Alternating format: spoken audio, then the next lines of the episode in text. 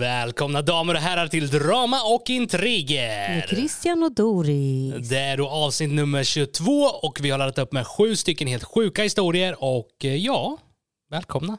Välkomna.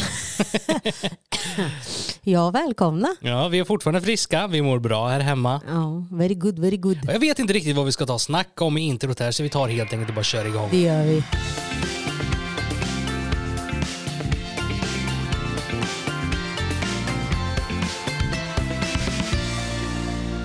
Stalkad av min före detta pojkvän. Hej Christian och Doris. Jag älskar er kanal och poddar. Jag och min sambo kollar på er varje dag. Jag lyssnar på er podd när jag är på jobbet. Jag heter Carolina och jag är en tjej på 24. Jag har en riktig dramapryl som jag vill dela med mig av när jag har hört era andra poddar. Mitt före detta ex har gjort det helt upp och ner för mig och mitt liv. När vi gjorde slut stalkade han mig och försökte att få tag på mig även om jag sagt till honom och skrivit till honom att jag inte vill ha med honom att göra. Att göra för att han var en farlig person mot mig som våldtog mig och misshandlade mig varje gång han var full. Han gör det bara svårare och svårare för mig att leva mitt liv med min sambo. Jag har fått mardrömmar och äter och sover dåligt och det påverkar mig helt klart. Och min sambo blir jätteorolig för mig. Men nu till historien. Mitt ex stalkade mig och det gjorde att det blev polis indraget och rättegång och sånt skit. Han gick in i min lägenhet utan att jag ens bjöd in honom och för att jag drog in polisen och gjorde så att det blev rättegång och kontaktförbud. Han anklagar mig att jag är svinet som gjort allt fel, att jag överreagerar för att jag slängde ut honom från min lägenhet, att jag har gjort allt fel mot honom. Snälla hjälp mig Christian och Doris. Vad ska jag göra? Är det jag som är svinet? Alltså den här är riktigt, riktigt knepig skulle jag säga ärligt talat. Ja, alltså han är ju psykopat. Ja, men alltså vad kan man göra? Säg att din före detta börjar staka dig och liksom eh, Ja, inte jag kan ju låter ta, dig vara ja, nej men jag hade hämnats. Jag hade fan stakat tillbaka, kan få känna hur jävla kul det är. Så jag gå till ditt jobb, jag ska, jag ska terra dig, jag kommer göra ditt liv till ett helvete tillbaka. Men han kanske bara vill träffa dig, så han kanske bara blir glad när du dyker in där på jobbet. Hej Doris! Ja, hej på dig då. Och sen när du och står sen där- kommer jag varje dag vet du, varje, varje, Ja. varje dag. Och sen när du står där Sen är han ute med polarna och dyker upp där med och du vet så han kommer känna att det är fucking pain in the ass istället. Och när, du, när han ligger där inne och sover i sitt sovrum, kollar i fönstret, så står du och kollar in och bara hej hej! Ja, men den där är ju så här, om man var dum på fyllan, och det, ju, det förstår ju jag att det är jobbigt, då har ju du någon sån form av rädsla för honom. Så då kan man ju inte göra som jag hade gjort. Nej, nej men det här ver- ver- verkar då vara en elak människa. Ja, en som elak har karl. misshandlat henne och sånt där innan. Eller jag har för mig hon sa det, sa det i historien. Alltså polisanmäl. Ja, alltså det, det är väl det enda man kan göra. Alltså är man liksom, är det som så att du inte är Ansök större? om kontaktförbud. Ja, för alltså det finns ju inte så mycket mer man kan göra. Tydligen så har hon gjort det om jag tolkar det rätt i historien. Ja. Och, eh, vad- och vad mer kan man göra? Jo, ring polisen igen. Det finns väl det är väl typ det enda man kan göra. ja, det var svårt, den där var, den där var jobbig. Men jag skulle helt klart säga, hon är ju inte svinet som har anmält honom. Det Helt tycker klart jag inte. Absolut inte. Alltså det är väl det enda hon kan göra. Det är han som eh, verkar lite weirdo. Så det är bara att fortsätta. Dyker han upp, anmäl. Dyker han upp, anmäl. Var Mm. en pain in the ass till polisen och eh, förhoppningsvis kanske han lär sig eller kanske får sitta inne till slut. Liksom. Ja, precis. Det är bara att inte ge sig.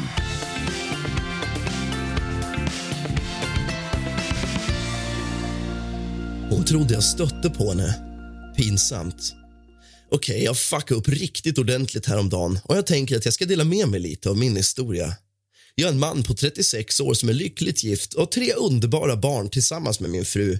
Vi lever det klassiska villalivet och allting är perfekt. Sen ungefär ett år tillbaka så kände jag att magen började välla över lite väl mycket och bestämde mig därför att fixa ett gymkort. Jag har varit riktigt duktig och håller än idag fast vid mitt löfte med åtminstone tre besök i veckan på gymmet. Jag brukar vanligtvis besöka gymmet efter att jag har hjälpt till att lägga barnen hemma. Det gör att jag kommer till gymmet typ halv nio på kvällen. Det är riktigt skönt och det brukar vara tomt på folk och väldigt lugnt på gymmet då. Gymmet jag går på har två stycken olika rum. Ett rum fyllt med konditionsmaskiner och ett rum fyllt med fria vikter och yogamattor och så vidare.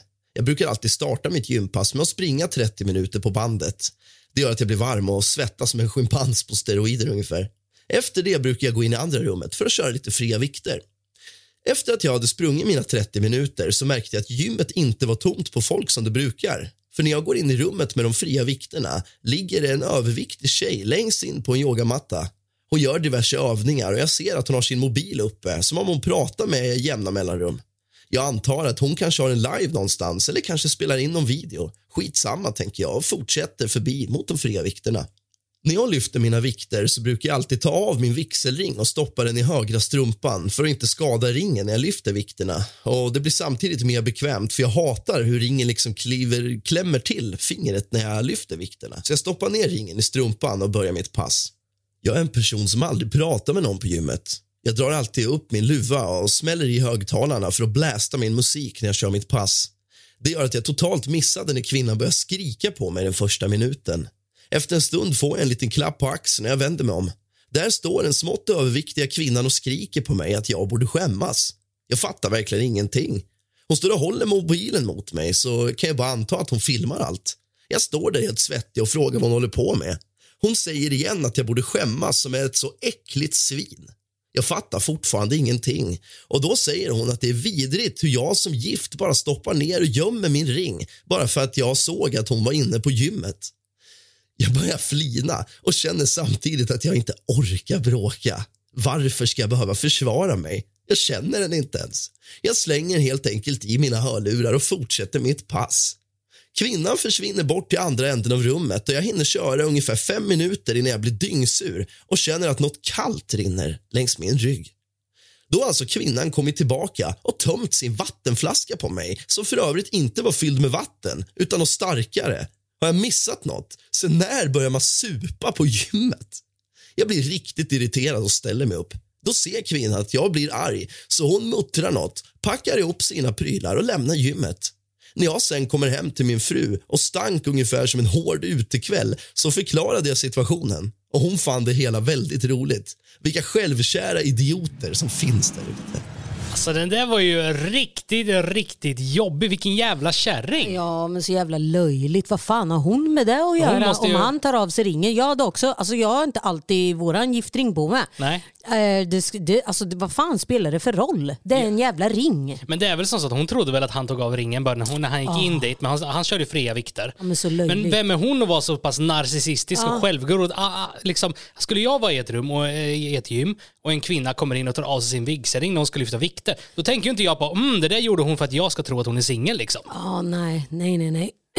Det där tyckte jag var jättelöjligt och hon har ju absolut ingenting med hans jävla ring att göra överhuvudtaget. Nej. Så sätt ner i båten och tyst. Nej, alltså jag, han har ju helt Sköt klart ditt. inte gjort någonting Nej. fel i den här situationen. Jag anser att det var... Vilket när- jävla arsel som Ja. häller sånt där på honom också. Och sen är det ju också som så här att det har ju liksom blivit populärt nu med internet som blivit så stort, TikTok, Facebook, Mm. allt sånt där. Att liksom man ska filma allting.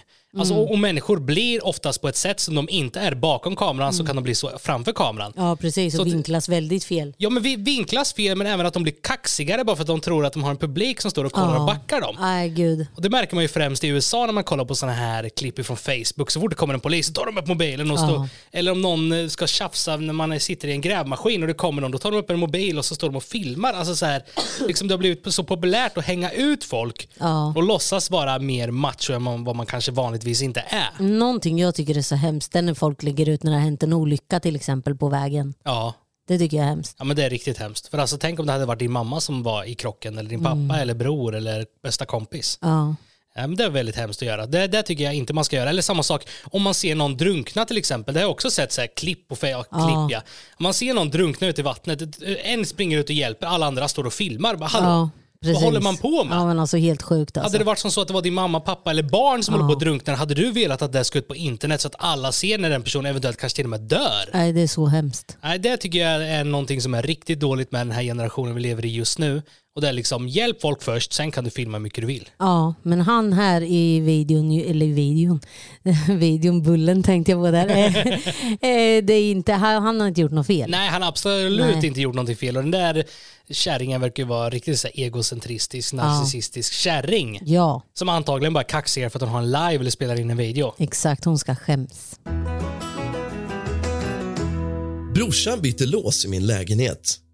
För ett tag sen förlorade min bror sitt arbete. Detta gjorde att han fick leva på sitt sparande tills hans sparade pengar helt var slut. När han inte längre hade några pengar kvar frågade han om det var okej att han och hans fru kunde flytta in hos mig tills dess att de har råd att fixa något eget. Till början så måste jag erkänna att jag tvekade lite då jag bor i en liten tvåa med kök. Det är knappast så jag får plats själv. liksom. Enligt dem hade de inget annat val. De skulle bli vräkta ur lägenheten de bodde i och det stod mellan att flytta in till mig eller bo på gatan. Hjärta har jag ju och det är trots allt min bror. Självklart bjöd jag in dem och fixade en uppblåsbar madrass som jag satte upp i vardagsrummet. Eller ja, vardagsrummet. Spelrummet. Allt i ett rum, liksom. Första månaden gick det faktiskt bra. Det var väldigt trångt, men vi lyckades få det att funka. Andra månaden frågade min bror om han kunde köpa en säng istället för den uppblåsbara sängen. Det gör det tydligen att han får ryggproblem. Jag sa att det var inte några problem så länge jag fortfarande har plats för min soffa, tv och bokhyllor.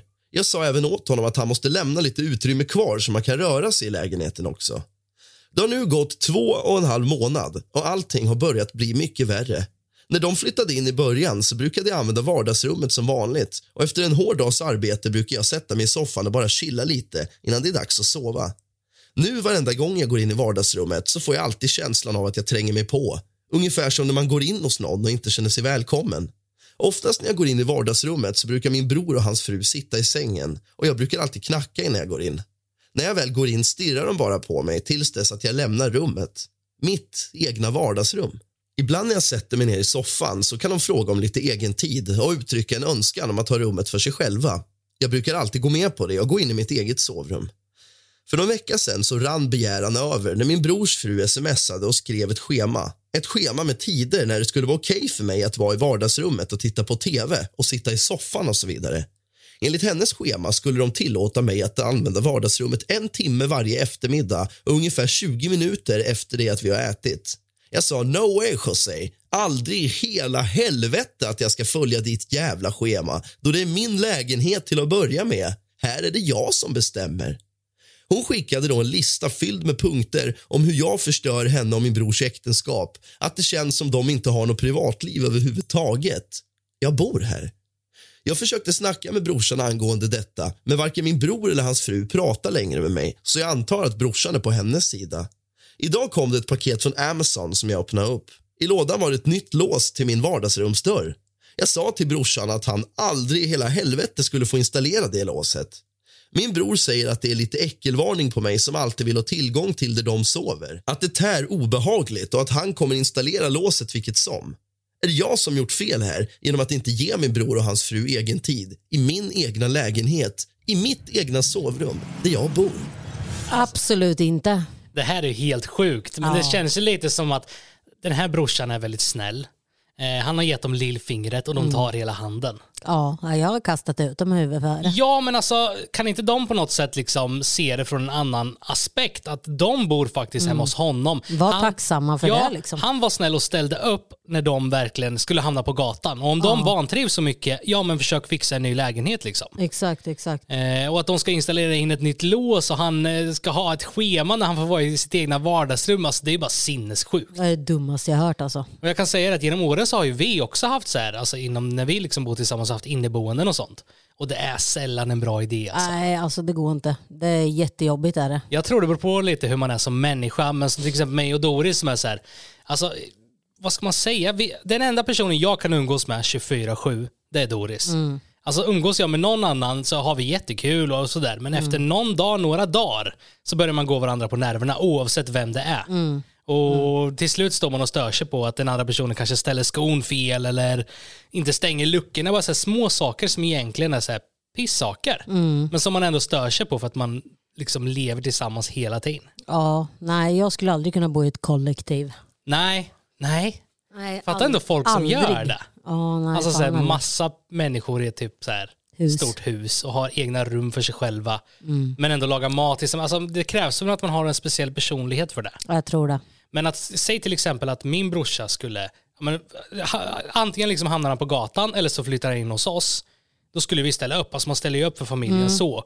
Men det skulle ju vara helt klart så här, alltså redan från början att det är vårt hus, våra regler och börjar den andra personen liksom ställa krav så måste man ändå sätta ner foten redan från början. Mm. För att börjar man som han gjorde, om jag ska ge er privacy och börja gå ifrån sitt eget Ja, vardagsrum för deras skull, Ja. så blir det rätt att de, man liksom, De, de tar andra hela handen liksom. de tar det för givet Ja. och sen vill ha mer och mer och mer och till slut så är det väl han som får flytta ut till sin egna lägenhet liksom. Mhm. Så jag anser att han har inte gjort fel här och det jag tror det är viktigt att man tar och sätter ner foten. Det tror jag. För det tror jag i de flesta relationer är bland det viktigaste man kan göra och det är att liksom om man stör sig på någonting, var ärlig. Mm. Man kan lägga fram det på ett bra sätt men samtidigt så måste man ändå vara transparent. Ja, och säga ifrån om, inget, om det inte känns bra liksom. Ett poddtips från Podplay. I fallen jag aldrig glömmer djupdyker Hasse Aro i arbetet bakom några av Sveriges mest uppseendeväckande brottsutredningar. Går vi in med hemlig telefonavlyssning och, och då upplever vi att vi får en total förändring av hans beteende. Vad är det som händer nu? Vem är det som läcker? Och så säger han att jag är kriminell, jag har varit kriminell i hela mitt liv men att mörda ett barn, där går min gräns. Nya säsongen av Fallen jag aldrig glömmer på Podplay. Era sjukaste bekännelser. För sex år sedan blev jag tillsammans med min flickvän. Vi är ihop än idag, men det finns en sak jag inte berättat. Min fru har en katt vid namnet Frans. Det är en vanlig bondkatt, så det är seriöst något fel på den. Katten är den hemskaste varelsen som någonsin existerat. Han kunde attackera mig från ingenstans, pissade och sket över hela lägenheten och var allmänt hemsk. Efter att ha levt med katten i sex månader tog jag ett beslut. Jag surfade runt av en slump på Facebook och såg en katt som såg ut exakt som Frans som såldes för 300 spänn.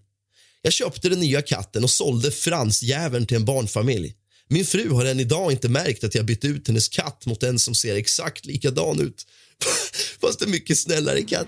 Alltså, ja, men vad fan är det då? Jag hade Vad känt igen hemskt. min katt kan jag säga. Vad hemskt men ändå ack så roligt. Ja, men nej, det där är inte ens lite kul. Förstår, den, här, den andra katten har ju ändå liksom ett eget, ett eget being. Va? Den är speciell och eh, attackeras och är så här gullig och så här arg och så.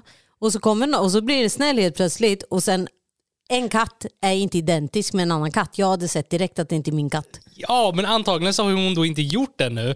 Och, alltså, Dorran är en sån typisk kattkvinna. Jag lovar er att om jag inte hade funnits med i bilden skulle Doris ha 20 katter Ja. I liksom sin sovrum, i vardagsrummet, överallt. De ska nannas hos mig. Grejen är ju att jag är jätteallergisk mot katt. Mm. Men inte bara det stoppar ju det utan vår dotter Kataleja är också alltså, farligt allergisk Ja. mot katt, katt och häst. Ja. Men att vi har ju testat att fixa katt en gång i tiden. Ja. Eh, Det var, här var ganska många år sedan. Vi, vi, Dorran och jag vi bodde ute på landet och eh, ja, alltså, du har ju tjatat genom alla år vi varit ihop. Jag vill ha en katt, jag vill ha en katt, jag vill ha en katt. Jag har förklarat för dig att jag tål inte katt. Men till slut så gav jag efter och bara okej, vi, vi skaffar en katt. Vi åkte iväg, vi köpte en katt. Doris döpte honom till Murphy. och det, alltså, uh. alltså den var ju inte hemsk katt, det var han inte. Han, var drack inte hemsk. Han, Han var drack ditt jättegullig. kaffe på morgonen. Ja, och så Ja. när du stod i, och diskade så kom han och klättrade Ja. upp och det gjorde det Klättrade Doris. Han gick upp på diskbänken bakom mig och hoppade. Alltså hoppade typ en meter i luften Ja, för han att sen sätta sina klor i min rygg. Jag var inte beredd att råka slå bort den. Och Mm. Sen när man skulle sova varenda kväll Ja, så tyckte han det var fasligt roligt att klösa på fötterna från ingenstans. Vet, så här, fötterna kan titta fram lite ur täcket. Då kommer han bara från ingenstans. Jag vet och du var såhär, nej katten får inte vara i sovrummet men jag bara, jo det får han. När får Nej, han inte? för jag hade ändå gått med på att okej, jag tål inte katt, det kliar i mina ögon, det liksom rinner, snor- näsan rinner. Ja. Men fine, vi skaffar en katt om man inte är i sovrummet så jag vill kunna sova utan alltså, så här, Ja men sen i alla fall så fick han vara i vårt sovrum och sen sa Christian att han får, han får inte vara i vårt sovrum mer. Då skulle jag stänga ut honom så han började ju så här och rafsa. Han skulle ju in. Ja. Han var rafsa på dörren. Så här. Och sen så började Doris till slut tro på mig att jag faktiskt är allergisk mot katter när jag låg där på kvällarna. Och, jag, jag kunde inte andas. Jag fick så här... Jag pep eh, om det, astma typ. Ja, all- allergiastma fick jag riktigt ordentligt. Så vi gjorde oss av med honom. Han åkte till Rickys pappa. Ja. Och där är han än idag. Ja, och där hälsar vi på honom. Men ibland. åter till historien då. Alltså visst Doran, du hade ju märkt att han bytte ut katten men Ja. det är så galet kul. Det är inte kul. Det är alltså. faktiskt det är det sjukaste jag hört alltså. Det, nej, Jo, det är faktiskt det. det är jättekul. Jag tycker inte att det var Frans kul. jäveln bor hos en familj numera. Och katt, katten som bor hemma nu är jättesnäll. Alltså vad sjukt alltså. Han kom undan med det också. ja, det här är sex Men vad år gjorde sedan. han med den andra katten? Han sålde den ju till en barnfamilj. Han sålde? Ja, Mm. jag tror inte han dödade han. Alltså det, det tror jag inte. I historien sa att han sålde den till en barnfamilj. Ja, Men på tal om hemska katter så har ju du din beskärda erfarenhet, eller? Jag älskar katter. Speciellt så här inavlade katter som är så riktigt speciella. typ. Ja, som typ flippar. Ja. Alltså jag gillar ju det här att de, de är så här, de är speciella. Typ så här, vilken katt var det nu då, av alla katter? Jag vet inte. Mjau. Eh, nej, sushi tror jag det var. Han var inavel. Okej. Och där kunde man ju sitta, du vet så här. Han var jättegosig och så låg han och sov och så bara vaknade han från ingenstans och bara så här, alltså, så här, hoppade upp i ansiktet och bara klöste så här.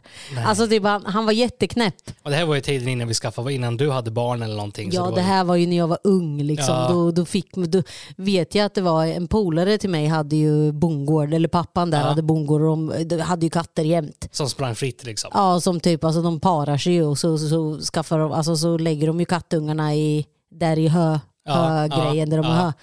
Så då sa pappan där, jag bara, åh vad söta, ta en om du vill. Och då tog jag den som var fulast för att den var så jävla ful. Så den så, och den hade ingen svans du vet, så här. Den, såg helt, och den var skelögd, alltså den såg helt eh, retarded ut. Ja men det blir antagligen katterna skaffat barn med sina barn Ja. och sen de skaffar barn med sina barn. Ja Alltså, men det, det, blir var liksom så här, alltså på riktigt inavel. äkta inavel och alltså den där katten var så himla keff. Alltså, alltså den var jättehärlig katt men vilken, vilken personlighet. På tal om inavel, har du hört talas om den här? Du har ju sett den. Familjen, ja. Whittakers. Ja, ja, ja. Alltså där kära vänner har ni en riktigt, riktigt obehaglig video att kolla på. Ja, fy För det är en dokumentärfilmare som åker ut in the bush i USA liksom. Och det här är riktigt, det här är inte fejkat, stageat, inga skådespelare. Det här är riktiga människor. Det är Och- alltså wrong turn Ja, människor. alltså deluxe. Och han åker ut till den här familjen. Han är den första som någonsin har fått göra en intervju med dem. Mm. För att tidigare de har skjutit mot folk, eller inte de, men deras grannar har skjutit folk och sånt som kommer nära liksom. Mm. Men den här dokumentärfilmaren hjälper då den här familjen och på något sätt lyckas näsla sig in och få den här dokumentärsmöjligheten. Ja. Och han spelar in det här och alltså Soft White Underbelly heter han som har gjort den, tror jag finns på YouTube. Ja. Och The Wit Takers heter själva familjen. Men alltså där, där snackar vi inavel, inavel, inavel. Alltså det är jätteobehagligt där och de kan inte prata, typ. de så här skäller som hundar. Och Ja, ja. De är liksom fem, sex stycken personer. Ja. Eh, syskon tror jag de är. Syskon eller kusiner. Ja, sånt. syskon och barn och syskon och barn och så de är Och- barn med varann. En är jätteskelögd, du kan knappt prata. En kan inte prata alls, det och bara står och piper och gör ljud, en gammal gubbe. Mm. Men att de inte, Och att de tycker att det, jag fattar ju inte den där grejen. För låt säga, alltså de är en hel familj. Ja. Och de är liksom så här, ja de är syskon med varandra men samtidigt är mamman syster. Alltså fattar du? Ja. Alltså det är så sjukt hur de ändå kan för någonstans i det här ledet så måste man ju fatta att det blir fel. Och det, var, ju- det var ju två bröder hade ju dött och sånt ja, det är jättemånga av syskonen Ja, hade som dött. har dött liksom och gått bort just eh, alltså, av komplikationer. Eftersom att det blir ja. det när du, när du liksom ligger med, med ditt barn eller så här. Ja, ja men precis. Alltså det, Skaffa barn med ditt barn. Alltså det, det- är så sjukt. antagligen så har det väl börjat med några som visste att det var fel. Och sen som se- sedan har isolerat sig. Och sen från generation så- till generation har det gått vidare. Så det har blivit normalt för Ja dem. men precis, att det, det är det enda de vet. Och de, har bott, de har bott i samma hus hela sitt liv, de Mm. kanske inte socialiserar sig så mycket med människor. Och, alltså det här blir deras verklighet, vilket är helt galet att liksom kolla på. Ja, alltså ni måste se den. Ni måste se den. The Wit Takers, tror det finns på YouTube och på Facebook. Ja, kolla det. Några gånger i månaden när min fru har somnat brukar jag beställa en pizza och åtta stycken drumsticks. Jag sitter sen i våran bakgård och äter upp allting själv i min ensamhet. Jag brukar alltid göra mig av med alla bevis innan jag själv går och lägger mig.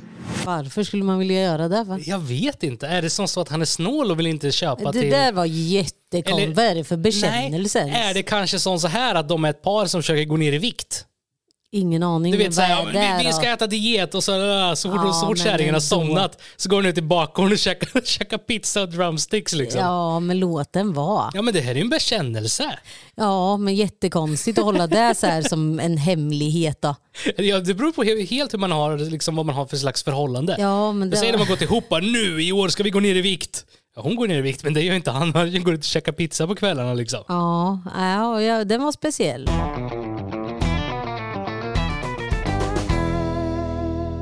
Jag har Tourettes och även tics, men det är inte min bekännelse. Alla vet om min sjukdom och alla jag känner har lite överseende med detta.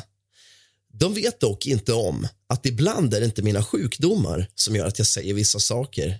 Ibland kanske jag inte bara gillar en människa och därför bara kastar ur mig lite taskiga saker för att sen skylla på min sjukdom.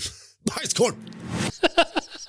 Det där var kul. Det, det där var lite hemskt Ja men, men, lite alltså, kul. ja, men att skylla, ja, ja, men alltså man kan ju vara ärlig, men man kan ju också ha Tourettes liksom. Så att det, ja, men Ja, det men var den, ju kul. Den här personen hade ju det, men att liksom utnyttja ju situationen lite genom att ja. man kanske inte gillar någon och så kan man säga något taskigt fast det kanske inte är, alltså det är frivilligt sagt. Mm, jag har ju följt en kille med Tourettes, alltså han har alltså grov Tourettes. Nu Ja. snackar vi alltså, Han från England. ja, Ja, ja. Eh, vad heter han nu igen? Jake? Ja, jag kommer inte ihåg vad han Är heter. det han som är tatuerad i ansiktet? Ja, exakt, ja. exakt. Och blond. Ja. Eh, men han i alla fall, eh, det är en kille som sagt som jag följer och han är ju så här, alltså när han flyger flygplan Ja.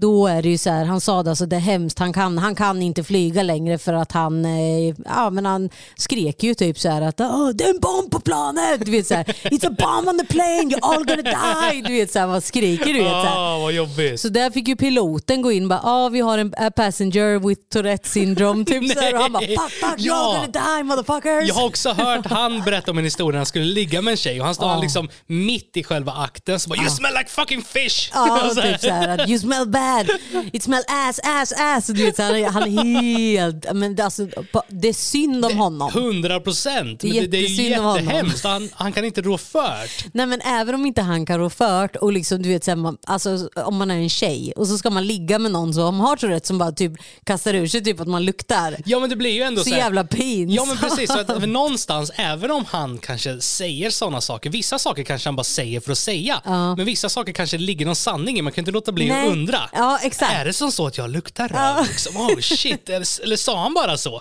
Ja, vilket jobbigt läge. Jag vet, men Ja. han har det så här skitjobbigt. Det är så synd om honom. Här, Jack Francis heter han. Ja, Jack just. Francis. Just ja. Ja. Och sen ska man absolut inte skratta åt såna här saker, men ibland så blir det ju lite kul när liksom, Ja, men han har ju storytimes. Liksom. Han, har, han har haft en YouTube-kanal innan och han satt, jag har, har haft storytimes med sin Tourettes. Liksom. Ja. Allting han har gapat ur sig. Och någonting är så här, som sagt, man ska inte skratta åt dem, men det finns ju sådana liksom, människor som har vad ska man säga, svårigheter eller sjukdomar och diagnoser. Men de own it, de äger det istället. Ja, Och exakt. bjuder på det. Jag vet det finns på YouTube någon tjej som ska här, hon har en YouTube-kanal och Mm. ska hon till exempel baka, men hon har så grov Tourettes. Så hon ska liksom försöka kläcka det här ägget, men varenda ägg flyger in i väggen och så här, och då blir det ju lite kul. Ja men det har jag sett någon, någon eh, typ två killar på TikTok tror jag. Ja. Och en är ju kock då och sen han, ah, han, blir, han mår ju så dåligt vet. Han skulle stå och göra pizza och han bara så, nu ska du knåda ut degen och bara så boxa degen och kasta upp den i taket. Han fastnar i taket, kastar iväg den på golvet och sen bara tar han upp den och var full med damm och skit. Ja, men det är ju, det är ju lite nej. hemskt att skratta åt sånt, men samtidigt så bjuder de Ja ju men på de det. bjuder ju på det. Ja. De, alltså bara för att de har Tourettes så är de ju inte dumma i huvudet liksom. Men Jag såg ju något avsnitt, jag tror det var Outsiders jag såg, och då var det också så folk med Tourettes och tics Mm. som samlades i någon grupp, så här, du vet, camping man kunde göra. De går ihop, ja, jättemånga, som liksom kan knyta an med andra människor som har samma svårigheter. Mm. Men alltså i den här campet var det bland det värsta jag hört. Liksom, den ena triggar den andra Ja. och de alla hade Tourettes, så de alla stod ju bara så värre och värre, det bara gick runt i cirklar. Ja, sjukt. Det var helt galet. Men, ja, men det var väl en bekännelse. Ja det var en bekännelse i sig ja. När jag var 19 år gammal letade jag efter ett jobb men lyckades aldrig få något. Alla i min närhet sa att jag behövde förbättra mitt CV, men jag visste inte hur. Så jag skapade en falsk jobbannons som erbjöd riktigt bra lön. Jag satte sedan min mail som kontakt och fick hundratals olika CV inskickade. Jag kunde sen bara kopiera dem jag tyckte var bäst och byta ut namnet. Än idag vet ingen om detta, inte ens min nuvarande arbetsgivare.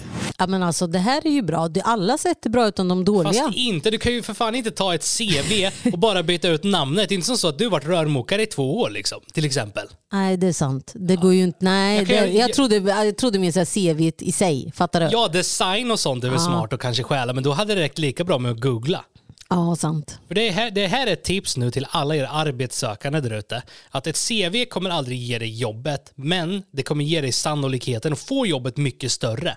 Och gör ett CV som sticker ut, designa det så snyggt man bara kan, enkelt. Alltså, jag personligen är lite arbetsskadad, vi håller på mycket med design och sånt med YouTube och det. Men alltså det är ändå viktigt att liksom du säljer liksom en produkt, du Jag säljer tror dig att du skulle börja jobba på Arbetsförmedlingen. Tror du det? Ja, jag skulle jag tror det. passa där? Ja, det skulle du göra faktiskt. Jag tror inte vi skulle ha några Eller så arbetslösa. får du jobba med han i Finspång. Ja, Nyföretagarcentrum. Ja, du kan jobba med honom. Och det här är, det har vi sagt innan, men Nyföretagarcentrum var ju de som hjälpte oss och eh, starta företag. Mm. Helt gratis här i Sverige. Så om ni vill starta företag, Nyföretagarcentrum. Gå åker ni till Äggskallebein i Finspång. Ja, men eh, de finns över hela Sverige. Ja, men åk till han i Ja, Finspång. han är bra. Utnyttjade ett mänskligt fel? Är det jag som gjort fel? Häromdagen skulle jag ner till min lokala ICA-butik för att handla lite mat för kvällens middag. Jag skulle laga chicken wings med klyftpotatis som är en stor favorit hemma. När jag långsamt promenerade genom butiken på väg mot frysdiskarna där mina chicken wings fanns så gick jag förbi charkavdelningen där de säljer kött. Jag gick förbi en disk som är fylld med stora ryggbiffar och hajar till lite. Jag står där i några minuter och kollar på den stora prislappen framför och tänker för mig själv, kan detta verkligen stämma? På prislappen stod det 79 kronor styck och inte 79 kronor kilot. Varje förpackning med ryggbiff innehöll cirka 1,5 kilo och 79 spänn kilot. Ja, det är ett galet bra pris. Men 79 kronor styck, det är helt sinnessjukt och nästan lite för bra för att vara sant. Vilket det antagligen var, men samtidigt stod det på prislappen 79 kronor styck. Varje söndag brukar jag alltid laga middag tillsammans med några vänner där vi hjälper utsatta människor. Vi gör helt enkelt ett storkok och sen åker vi ut i en större lastbil och delar ut mat till människor som inte alltid har råd att äta. Jag tänker att det är helt perfekt och börjar därför fylla min kundkorg med 10 stycken förpackningar. När jag kommer till kassan så gick köttet in som 79 kronor kilot och inte 79 kronor styck som jag anade. Jag lät kassörskan fortsätta och sen betalade jag. När jag stod och packade mina varor stod jag och låtsades stirra på mitt kvitto och sa sen till kassörskan att någonting är fel. Jag visade henne sen bilden jag tagit av prislappen och hon tillkallade sin chef. Chefen blev riktigt upprörd och menar på att jag måste ju själv förstå att det är ett mänskligt misstag och att de omöjligt kan sälja dessa köttbitar för det låga priset. Men jag stod på mig själv och sa att det var priset ni satte, så det är priset jag ska betala. Chefen förklarade för mig att grattis, du har just gjort att en av våra medarbetare har fått sparken. Jag fick riktigt dåligt samvete och sa att så viktigt är inte köttet. Jag kan lämna tillbaka allting då det inte är meningen att någon ska behöva få sparken. Han sa att skadan är redan skedd och bad mig sen lämna. Efter det har jag haft otroligt dåligt samvete. Gjorde jag fel som utnyttjade situationen trots att det kommer att gå till utsatta människor som behöver hjälp? Ja, alltså sådär hade jag med kunnat göra. Alltså jag hade nog inte kunnat gjort så. Jag hade, Jag hade inte stått och jiddrat om det utan alltså så här, förstår du? Jag, hade, jag hade ju typ, ja går det så går det och kom undan med. Ja, ja, precis. Men samtidigt 79 kronor kilot för ryggbiff. Nej, styck. Ja, precis. Det, Ja, det, det, kilot är ju också billigt. ja, men liksom. precis. Det är det jag menar. 79 kronor, alltså det kostar vanligtvis typ 250 kronor för svensk ryggbiff, upp till 300. Och vissa ICA-butiker 349 till och med. Ja. Så 79 kronor är galet bara det. Ja. Men att, sen är frågan om han gjorde fel här med tanke på att det var för en fin, fint ändamål.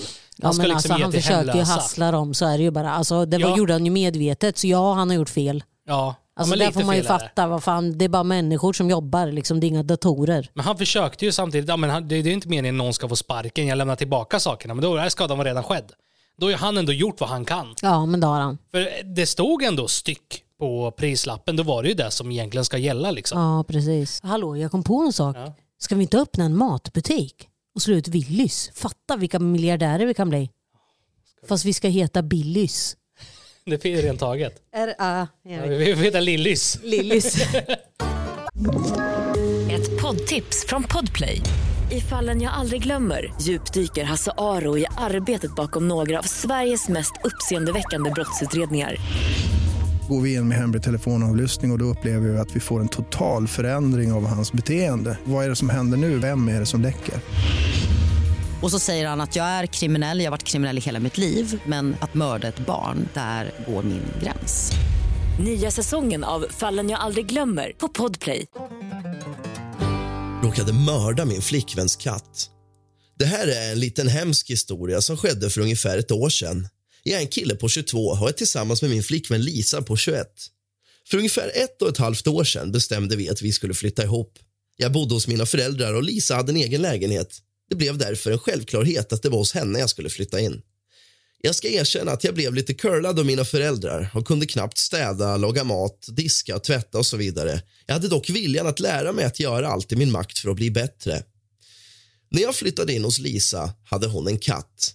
Det var en sån sfinx, tror jag det kallas. En sån där naken katt som ser ut ungefär som en stor rynkig pung. I alla fall, jag kunde absolut ingenting när det kom till att sköta ett hushåll, men jag ville lära mig. En dag när Lisa var på jobbet och jag var ledig så tänkte jag att jag överraskar henne genom att storstäda lägenheten. Så jag dammsög, moppa, diska, tvätta fönster och bytte även sängkläder trots att jag knappt vet hur en tvättmaskin fungerar. Jag lyckades få igång tvättmaskinen på ett program som i alla fall började snurra. Sen tog jag tag i resten av lägenheten. När maskinen var färdig så var ju sängkläderna dyngsura och därför skulle jag torktumla allting. Jag stoppar in kläderna i torktumlaren men precis innan jag ska köra igång maskinen plingar det på dörren och en granne frågade om han kunde låna lite mjöl. Inga problem. Fem minuter senare gick jag till torktumlaren och stängde luckan och körde sen igång den. Maskinen lät lite så jag stängde till toaletten och fortsatte städa. Tre timmar senare börjar torktumlaren pipa och jag går in för att ta ut sängkläderna när mitt hjärta bara stannar. Jag har totalt missat att hennes katt hoppat in i maskinen. Antagligen skedde det när jag gav grannen mjölet och när jag kom tillbaka så var jag inne och försöka få igång liksom allting. Så jag dubbelkollade aldrig trumman. Vem tusan kollar om det finns en katt i maskinen innan man kör igång? Jag tog med katten till veterinären i området och betalade honom för att få katten bortforslad. Sen hittar jag på en historia till Lisa om att jag glömt stänga dörren och att katten måste rymt. Det har passerat ett år nu och hon vet fortfarande inte sanningen. Hon älskade verkligen katten, men jag har inte mage att erkänna nu och det har gått så lång tid. Vad tycker ni att jag ska göra? Nej, jag tycker att du ska nej. säga att du torktumlade hennes katt till döds. Nej. Jag vill också ha en Spinx. Jag vill också torktumla en katt. Nej, men det är min drömkatt. Jag älskar Spinx. Det är min Ja, drömkatt. men det är en sån här naken katt. Och det är, en dröm, det, det är en stor dröm jag har. Ja, och det trodde jag skulle tåla då, men det gjorde jag inte. Nej. Nej. Alltså här, jobbigt, han har ju dragit det så långt så han har verkligen satt sig i skiten. Ja, Han men ofta egentligen... han går runt, alltså det har gått ett år, han behöver väl inte ha någon ångest idag. Nej men det är samtidigt en hemlighet. Jag vet ju själv i vårt förhållande till exempel, om jag håller någon sanning undan från dig så mår jag jättedåligt inombords. Till exempel skulle jag ha mördat din katt, jag skulle aldrig ha mage med, eller jag skulle kunna göra det men jag skulle må så dåligt hela tiden tills jag erkänner. Och desto längre tid det gått, desto längre tid, liksom, desto värre blir det att erkänna. Han gjort det svårare för sig själv. Han skulle ju bara sagt som det var. Shit, förlåt, förlåt. Alltså det... Ja, han skulle sagt som det var från början. Ja, jag råkat katten har krypit in i torktumlaren så jag, jag råkat tom, torktumla karln. Ja, nu går ju hon ändå omkring med hoppet om att han en dag katten Kan komma kommer tillbaks. tillbaka. Men det, det lär ju inte hända. Fast en Spinx rymmer inte och kan komma tillbaka för någon som snor den katten direkt ja, men de säga. är, de är jättedyra. Ja, och fina och gulliga och Nej, nakna. alltså, ser då- som en ping. Ja, men de ser ungefär ut som en testikel. Ja. Och så är det så här, En rynkig men när jag ser de där spinkskatterna, jag tror att många där ute inte vet vilka katter man menar, men om man säger så här, Kairo, Egypten, alltså en egyptisk katt, de har ganska lång hals, och de är, har ingen päls. De är ståtliga. Ja, men de, Mm. katter är hemska alltså. De är riktigt hemska. Jag vill ha en Spinx som vi kan döpa till, till Roger. Roger, skulle Ja. din nästa katt heta Roger? Jag tycker Roger är ett fint namn. Den får du köpa om vi skiljs Okej då, ska vi skiljs? imorgon. Okej.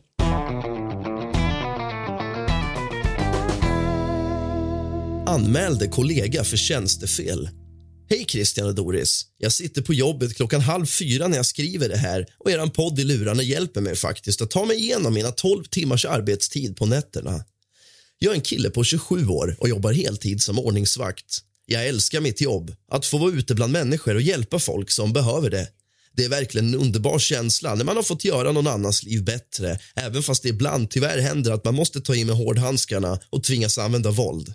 Ja, det är en del av jobbet och i helheten så är det ett väldigt roligt jobb. Nu till baksidan av mitt arbete. Eftersom jag har det jobb jag har så får jag ofta höra av mina vänner och nära och kära att mig får du slänga ut från krogen. Eller vi känner ju varandra så du kan väl se mellan fingrarna. Mitt svar har då alltid varit nej. När jag jobbar så kommer jag måste sköta mitt jobb som jag ska göra. Jag kan inte se mellan fingrarna eller inte välja att slänga ut någon från ett ställe bara för att jag känner personen. Det skulle verkligen inte se bra ut och jag har förklarat att om nu till exempel jag skulle stöta på mina vänner ute på stan när jag arbetar så är det samma regler för dem som för alla andra. Om de väljer att gå ut på stan och inte sköta sig när de vet att jag jobbar så är det bara respektlöst mot mig att de tvingar mig att till exempel nu behöva ingripa på en nära vän som för övrigt har hänt. Nu till min historia. Jag och en kollega jobbar på en känd motorfestival. Det är väldigt mycket folk och mycket fylla. Det är alkohol inblandat och det är mycket bråk och stök tyvärr. Vi får syn på ett gäng som har hamnat i slagsmål med varann och vi springer fort dit. Jag är mycket snabbare än min kollega och kommer först fram till platsen. När jag kommer fram står folk i en stor klunga och i mitten är det två stycken som slåss för full kareta. Jag får tag i den ena killen och sliter honom åt sidan samtidigt som jag knuffar bort den andra så han ramlar till marken. Killen jag tog tag i först och som fortfarande står på benen vill snabbt till honom på marken för att börja slåss. Men jag får tag i honom och jag lägger honom fort på marken och belägger honom med handfängsel för att få kontroll på honom. När jag vänder mig om för att se vart min kollega är någonstans ser jag att han står och pratar med den andra killen. Skönt, tänker jag. Nu är allt under kontroll. Jag kallar på polis och håller koll på den killen jag brottat ner. När jag tittat bak ännu en gång ser jag att den andra killen är på väg bort från platsen. Jag vrålar till min kollega att den andra killen måste hållas kvar i väntan på polisen så de får göra en undersökning av vad det är som har hänt. Min kollega tar mig då åt sidan och säger att han känner den där killen och att det är nära vän till honom. Jag vill inte att han ska hamna i trubbel med polisen så jag sa åt honom att ta sig härifrån. Jag blev vansinnig och frågade om han var helt jävla dum i huvudet. Strax därefter kom polisen och jag överlämnade den killen jag hade gripit och förklarade vad som hade hänt. Jag sa även att den andra killen som var inblandad hade stuckit och att det gav ett signalement på honom. Polisen frågade min kollega som också hade kunnat förklara hur han såg ut i vilken riktning han försvann men han nekade och sa att han inte hade en aning. Jag brann av på alla cylindrar och sa som det var att han visst visste och lät så eftersom de kände varandra. Polisen skällde ut honom och nu har han blivit av med sitt tillstånd att jobba som ordningsvakt och nu skyller allt på mig.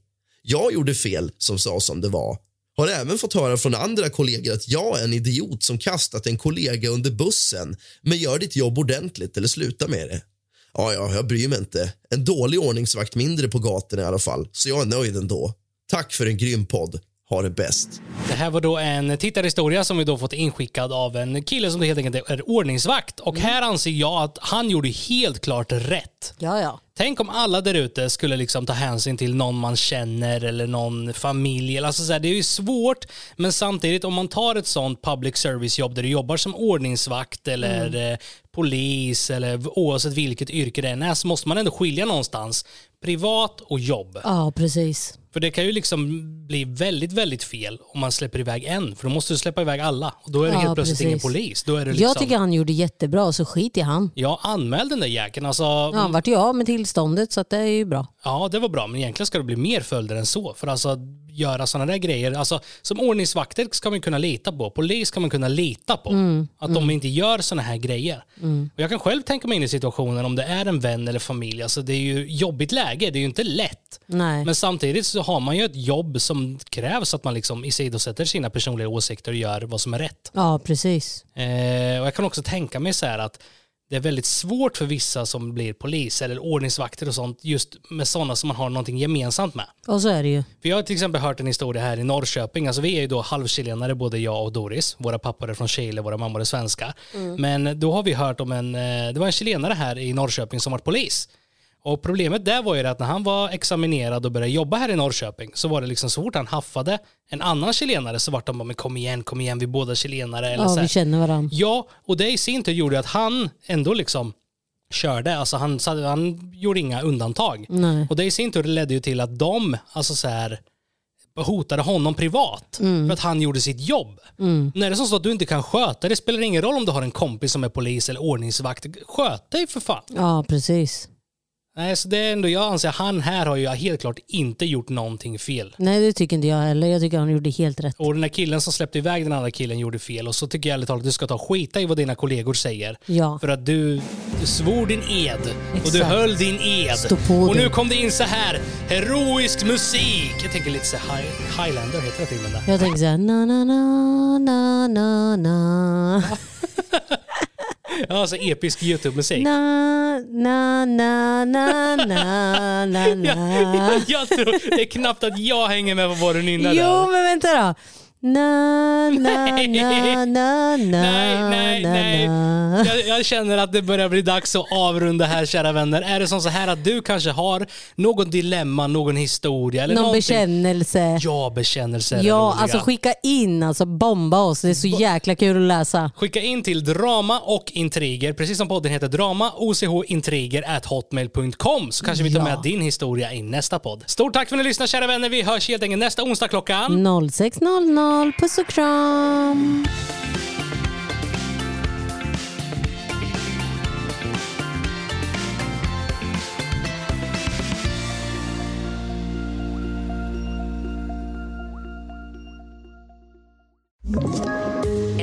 Tips från Podplay. I podden Något Kaiko garanterar östgötarna Brutti och jag, Davva, dig en stor dos skratt. Där följer jag pladask för köttätandet igen. Man är lite som en jävla vampyr. Man har fått lite blodsmak och då måste man ha mer. Udda spaningar, fängslande anekdoter och en och annan arg rant. Jag måste ha mitt kaffe på morgonen för annars är jag ingen trevlig människa. Då är du ingen trevlig människa, punkt. Något Kaiko, hör du på Podplay. Därför är gardinerna.